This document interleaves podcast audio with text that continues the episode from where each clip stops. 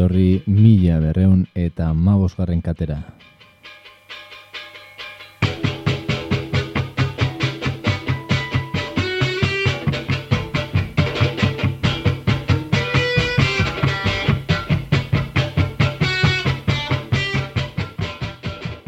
Kakain zona irratian zaude eta arrosa sarearen bidez baita Euskal Herriko beste hainbat irrati eta txokotan ere.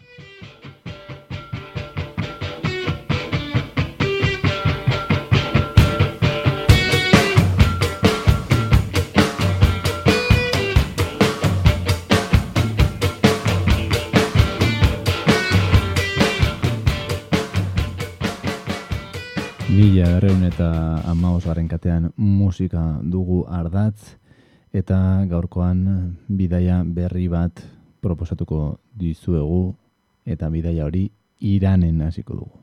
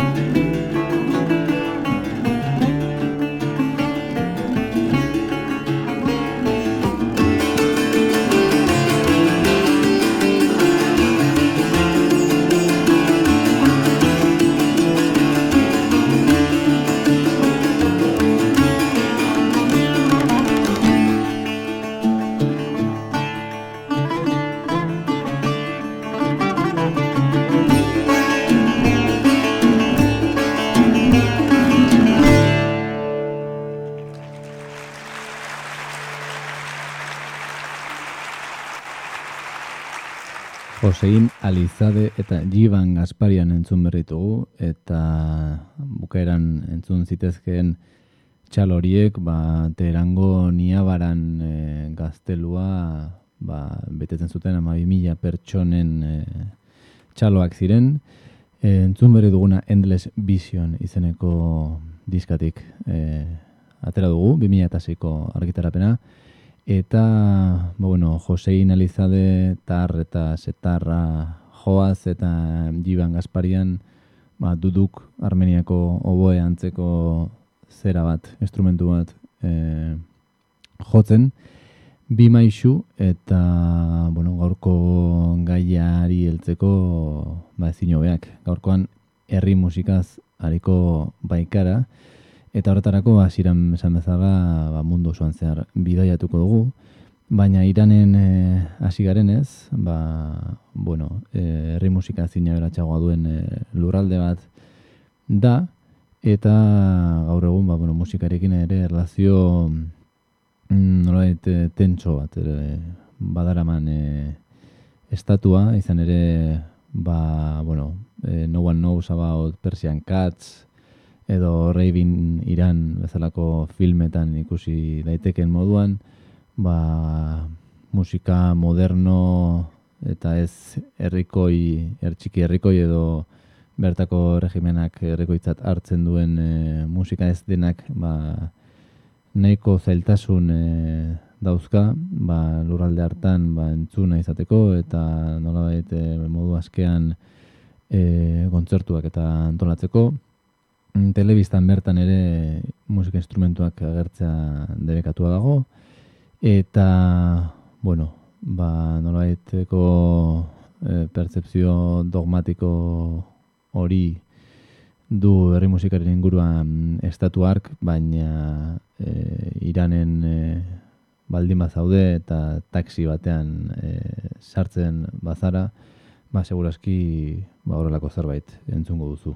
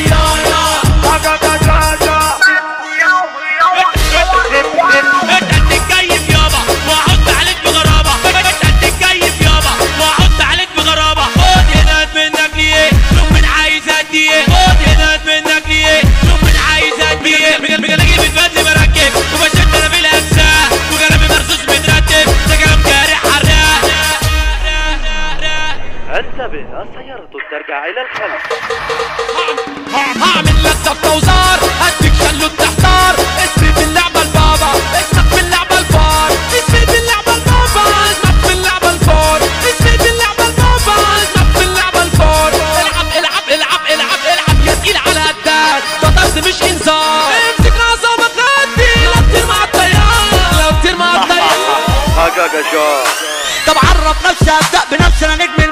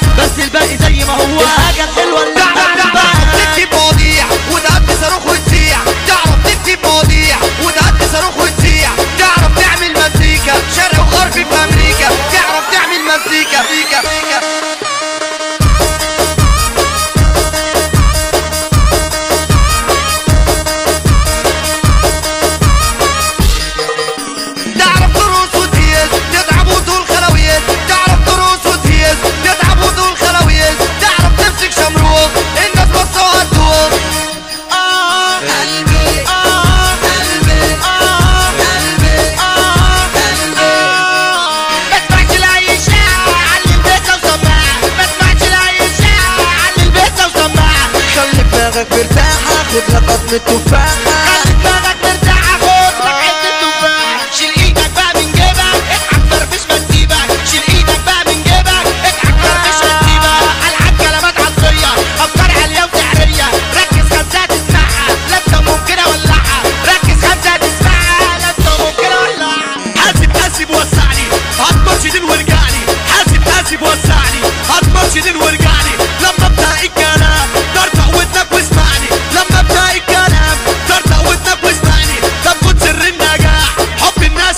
المفتاح طب سر النجاح.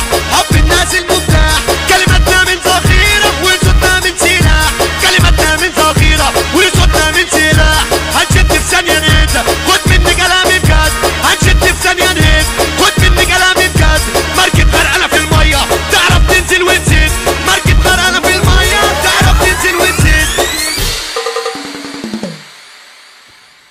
Erabateko eregia egin dudana musika persiarra eta musika arabiarra nastu. Izan ere, esan dizuet eh, Teherango taxi batean sartu ezkero horrelako zerbait entzun daitekela, baina entzun duguna DJ Figo da, eta El Kairoko izaseme badau, Egiptoarra beraz, eta Teheranen entzun daitekena bestelakoa izango da, baina oinarria mantentzen du. Izan ere, ba, bueno, ofizialtasunak nolabaiteko musika bat e, goresten baldin badu ere, ba, normalean ba hori, taxietan, kalean eta bar, ba, bestelakoak entzuten dira. Eta DJ Figoren e, Xabiren, bueno, Xabi generoaren moldaketa, elektro Xabi edo Mahrana ganat, markatu gaizki euskatzea, ba, genero honek, ba, arrakasta itzela du e, herrialde arabierretan eta bere isla ere badu ba, Iranen eta baita beste hainbat lurraldetan ere e, ba, bueno, ba, elektronika potente bat e, eta bueno, ba, gaur egungo beste genero batzuen nasketa ba, bakoitza, lurralde bakoitzeko ba, musikarekin nastua eta bueno, fenomeno honi buruz e, Jace Clayton e, DJ-ak, DJ Rapture bezala ezagunagoa, DJ-a, kazetaria eta eta beste bat gauza musikaria instrumentua jotzen ere abila. Ba, Uproot izeneko liburu argitaratu zuen Jace Claytonek, duela ez horren beste, zoritxarrez ingeles ez soilik irakurri daitekena, baina horretarako horreztasuna baduzue, erabat gomendatzen dizuedan liburua da, ze fenomeno hauei buruz luze hitz egiten du eta aipatzen ditu ba, DJ Figo, Electro Xabia eta beste hainbat eta hainbat kontu.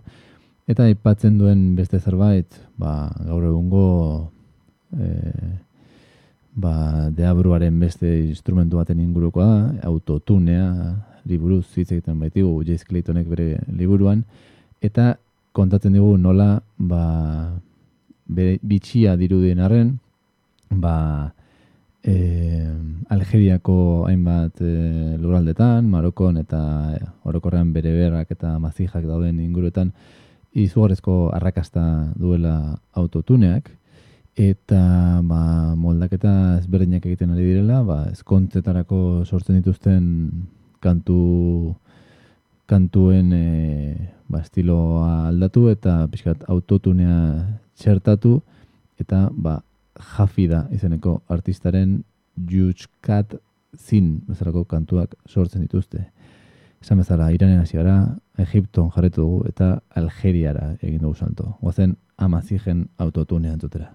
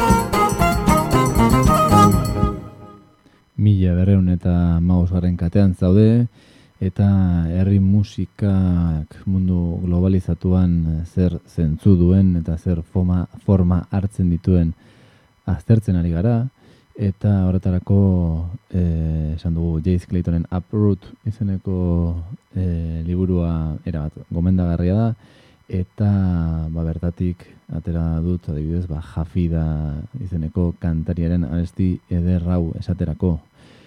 Bueno, jarrai dezagun aurrera, gatozen etxera, Euskal Herrira, eta, bueno, e, musikari eta idazle Amerikar baten e, liburu aipatu dut, eta Euskal Herriko beste liburu bat ere aipatu nahiko nuke gaurko saioan, Euskal Musika Kosmikoak deitzen da, eta Josu Larrinaga arzak idatzi zuen duela pare bat urte inguru, eta bertan ba, liburuaren hasieran e, aipatzen du ba, anekdota bat, nola Alan Lomax e, haien ezagutuko duzue, e, Parameriketan ba, bueno, e, lehenengo bluesak eta grabatu zituen e, gizasemea, ba, mundu osoan zehar e, e, bidaiatzen aritu zen ba, herri ezberdinetako musika grabatzen eta etnomusikologo ospetsua izan zen, eta mila tirondo berrogata mabian, ba, Euskal Herrira etorri zen, o, berrogata marra markan hemen inguruan e, ibili zen, eta ber, hemengo herri musika e, ba, grabatu eta artxibatzeko helburuarekin. Eta kuriosoa da nola ba, bueno, gaur egun trikitisa ba, euskal esentzia eta e, musika purutzat hartzen badugu ere, ba, bere garaian, berrogata marra markadan, ba, lan lomaxek, ba, agian berak ala erabakita, edo ingurukoek, hemen ingurukoek e, ala gomendu ziotelako, ba, ez zuen trikitisarik e, grabatu, ba, bueno, Italia riturriko instrumentu hori agian ez zuenako nahikoa finkatuta ikusi e, Euskal Herrian, edo ez zitzeolako aipagarria iruditu bere eragina edo bere musika ba, Euskal nortasunaz hitz egiteko. Kuriosoa da eta herri musikaren muga eta kontradikzioen inguruan ere zertxoait esaten dugu. Mm, galde genezake eraberean ea Alan Lomax gaur egun Euskal Herriera etorriko balitz, ba Amoranteren Manuela berri musikatzat hartuko luken edo ez. Zugana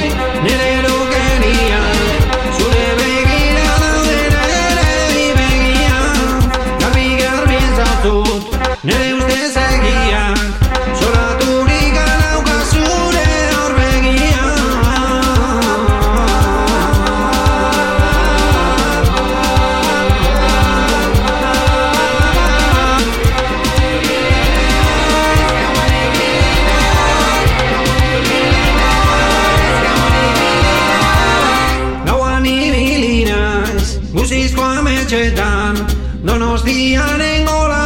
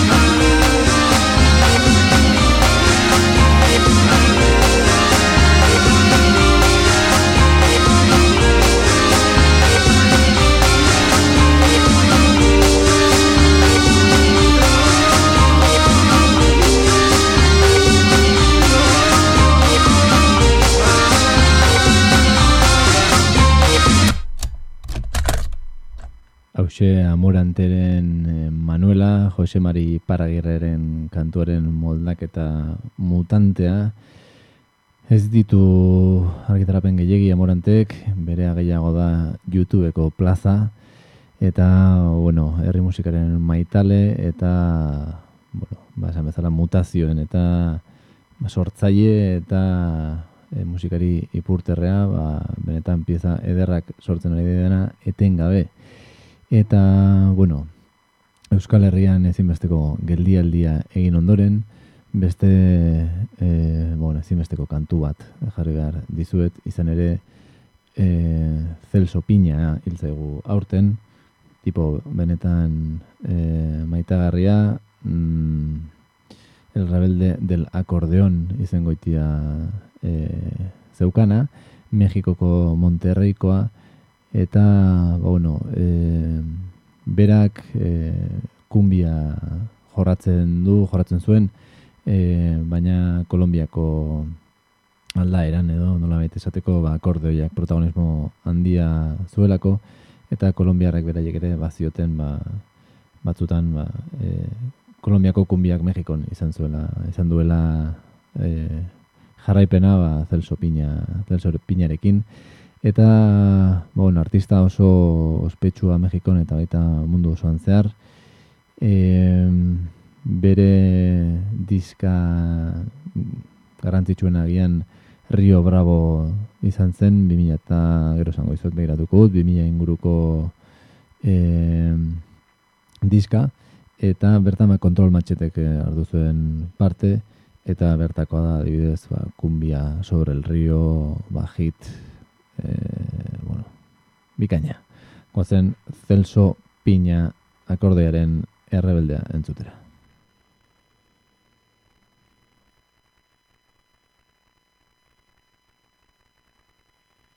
Pero esta música, ¿por qué no se toca en vivo? A ver, toca en vivo. No, pues ¿quién la va a tocar en vivo? Pues yo la voy a tocar, compadre. Probando, sí, y ahí está. probando. Y ya hace 20 años.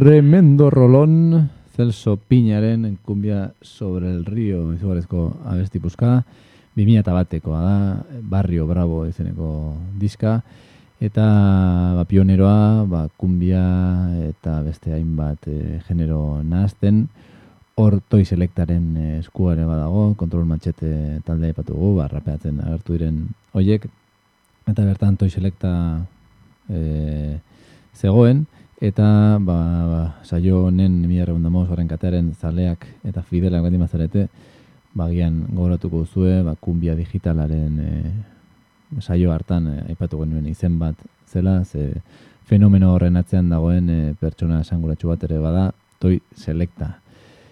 E, esan dugu kumbia digitalaren saio hori ere, bueno, gorkoarekin erlazionuta egon daiteke, Brasilgo musiken inguruan ere egin genuen beste bat, eta, bueno, e, oien gana jo dezakezue nahi izan ez gero, baina e, Mexikon jarraituko dugu, izan ere pixka bat zelsori berriz jaramon eginez, ba, kurioso da Monterrein gertatutakoa, ba, bertan Kolombiatik e, hartu zuten e, bertako kumbia, eta ba, bueno, LP-etako soinua e, geldotuz kumbia rebajada ere e, sortu zuten, nolabait e, soinu geldoago batekin, eta hori Monterreiko ba, bueno, esentzia berri bilakatu da, nola folklorea etengabe sortzen ari den eta mutatzen, eta sonideroen fenomenoa ere, ba, bueno, Monterrein ere badago, eta bueno, aztertzeko modukoa.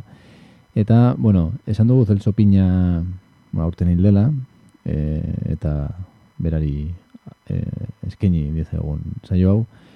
Eta, bueno, oso ospetsua zen Mexikon, ba, adidez, YouTubeen bideonek irurogeta bos milioi e, ikustaldi dauzka, baina mm, benetako Mexiko aztertu nahiko bagenu, ba, korridoak, banda norteinak eta bar e, petu beharko genituzke, izan ere, ba, Celso Piñaren pestainatik urrengora salto eginez gero, YouTubeen kalibre 50 izeneko taldearen korrido de Juanito izeneko kantuak irureun eta hogeita meratzi milioi bisitaldi dauzka.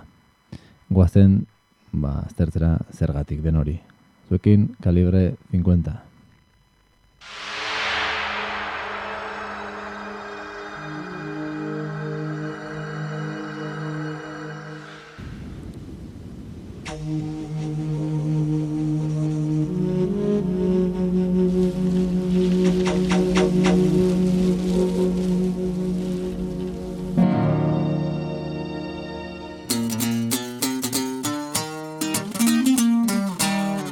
14 años sin ir a mi tierra, a donde nací.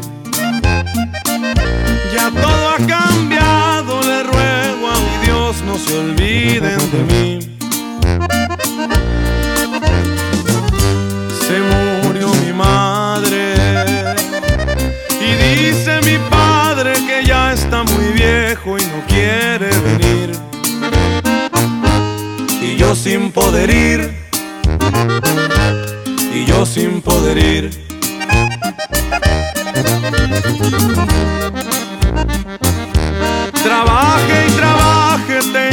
muchos días que no miro el sol.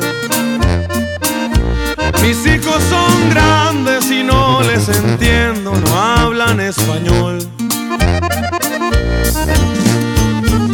No han sentido miedo.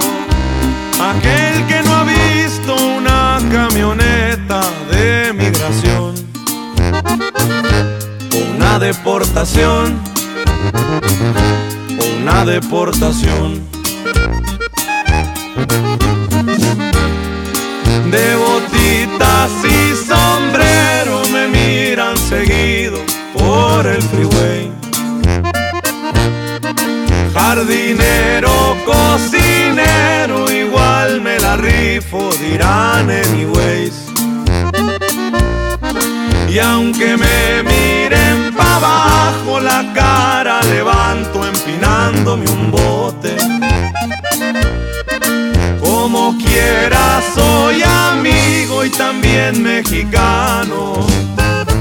Mexicano hasta el tope.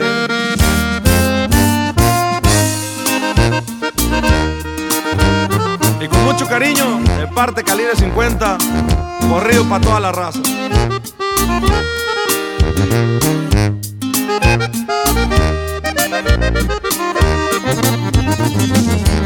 La vida no es fácil y menos acá lo que dicen no es cierto.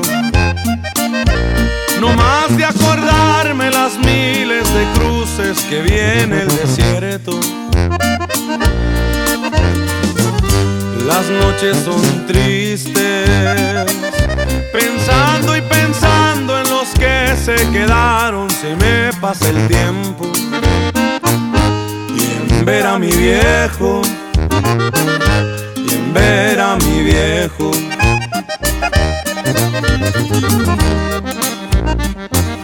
Más que agradecido estoy con mi Dios por lo que me ha dado.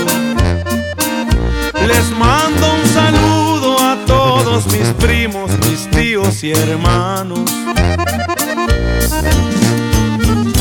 Con los ojos tristes y paso cansado, promete Juanito que va a visitarlos y poder abrazarlos y poder abrazarlos. De botitas y sombrero me miran seguido por el freeway. Jardinero, cocinero, igual me la rifo, dirán anyways. Y aunque me miren pa' abajo, la cara levanto empinándome un bote. Como quiera soy amigo y también mexicano, mexicano hasta el tope.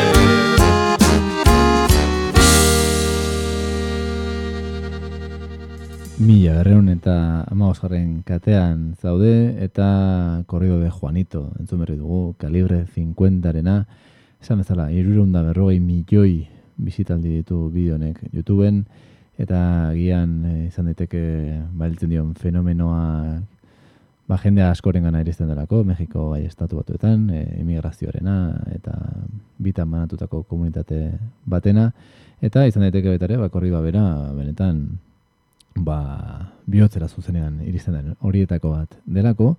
Kontua da, bueno, hau, bueno, sentibera eta zela kantu hau, baina askoz ere letra gordinagoak, hainbat zentzu ezberdinetan dituzten korridoak eta banda taldeak oso oso oso entzutetsuak direla Mexikon eta dozein jatetxetan egon ezkero ba, telebistan etengabe entzun ditzakezue, baita ere peseroetan eta autobusetan eta alakoetan. Eta, ba, seguraski, ba, Alan Lomax joango balitz Mexikora, ba, banda, korridoak eta bar, ba, artxibatu beharko lituzke, erreal- errealitateari fidela izango, izateko asmoa balu behintzat. Bueno, guazen aurrera, eta e, salto izugarri bat egingo dugu, ze Asiara joango gara, Koreara, hain zuzen ere, ego Koreara, Eta bertako talde bat entzungo dugu, Jan Binai, e, suposatzen dut horrela oskatuko dela, edo, bueno, horrela idazten da bintzat, Jan Binai, eta, ba, bueno, enaiko sona lortu duen taldea da, izan ere, ba, instrumentu tradizionalak, koreako instrumentu tradizionalak, eta musika, herri musikak, ba, postrokarekin eta postmetalarekin eta alakoekin nazten dituzte, Eta aurten e, argitaratu dute onda izeneko diska bat, adibidez, eta bertatik hartu dugu Square Wave izeneko kantua. Ea zer irutzen zaizuen, Jan Binaiek egiten duena.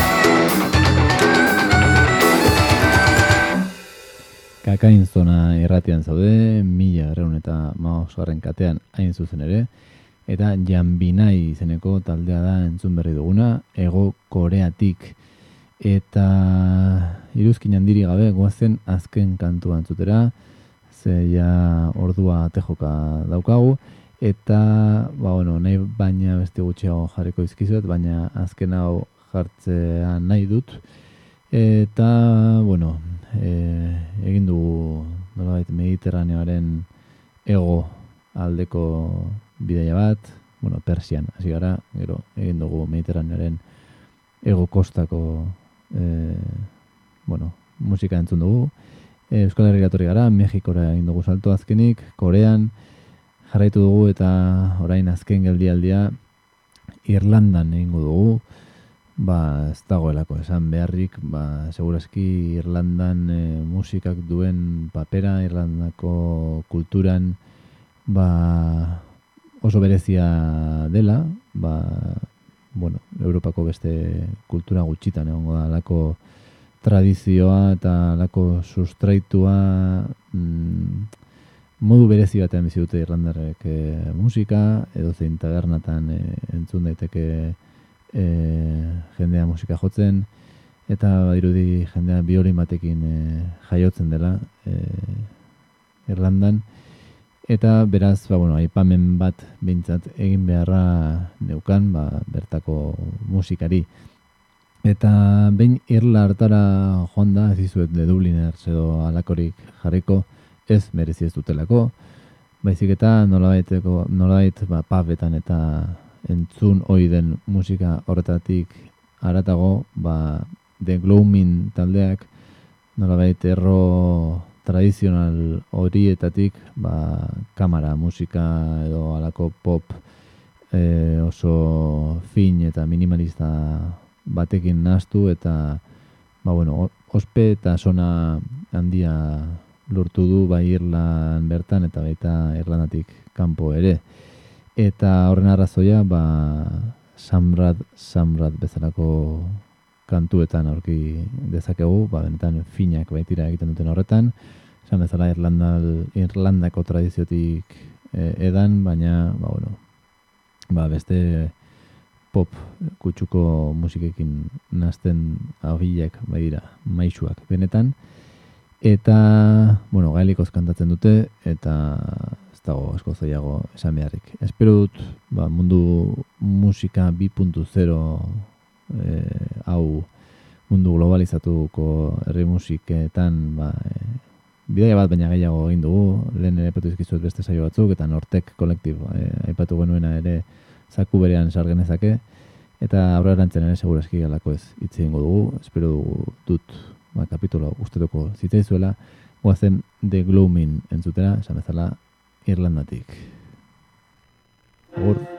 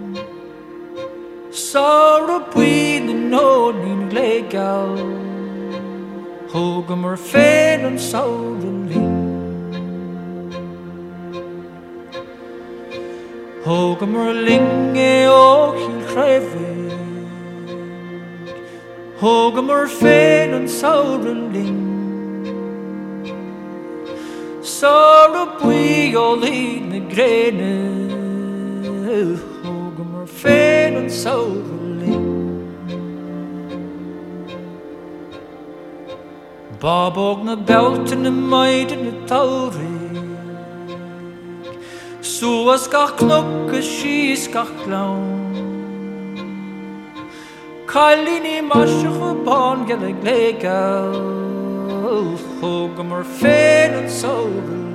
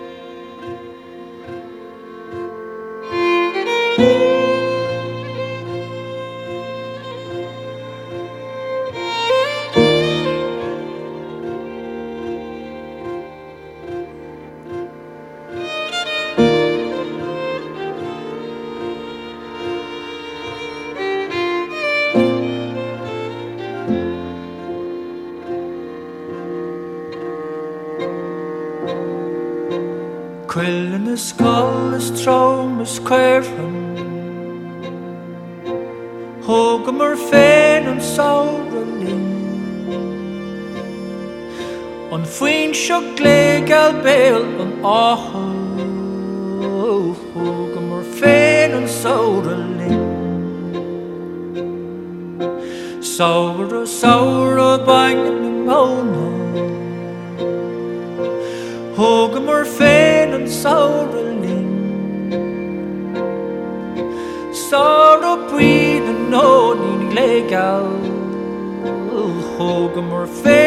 sorrow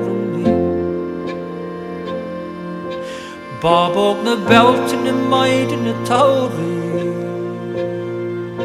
Suas ga knok as she's ga clown. Kailin i marsiach y bon gan y glegal Hwg oh,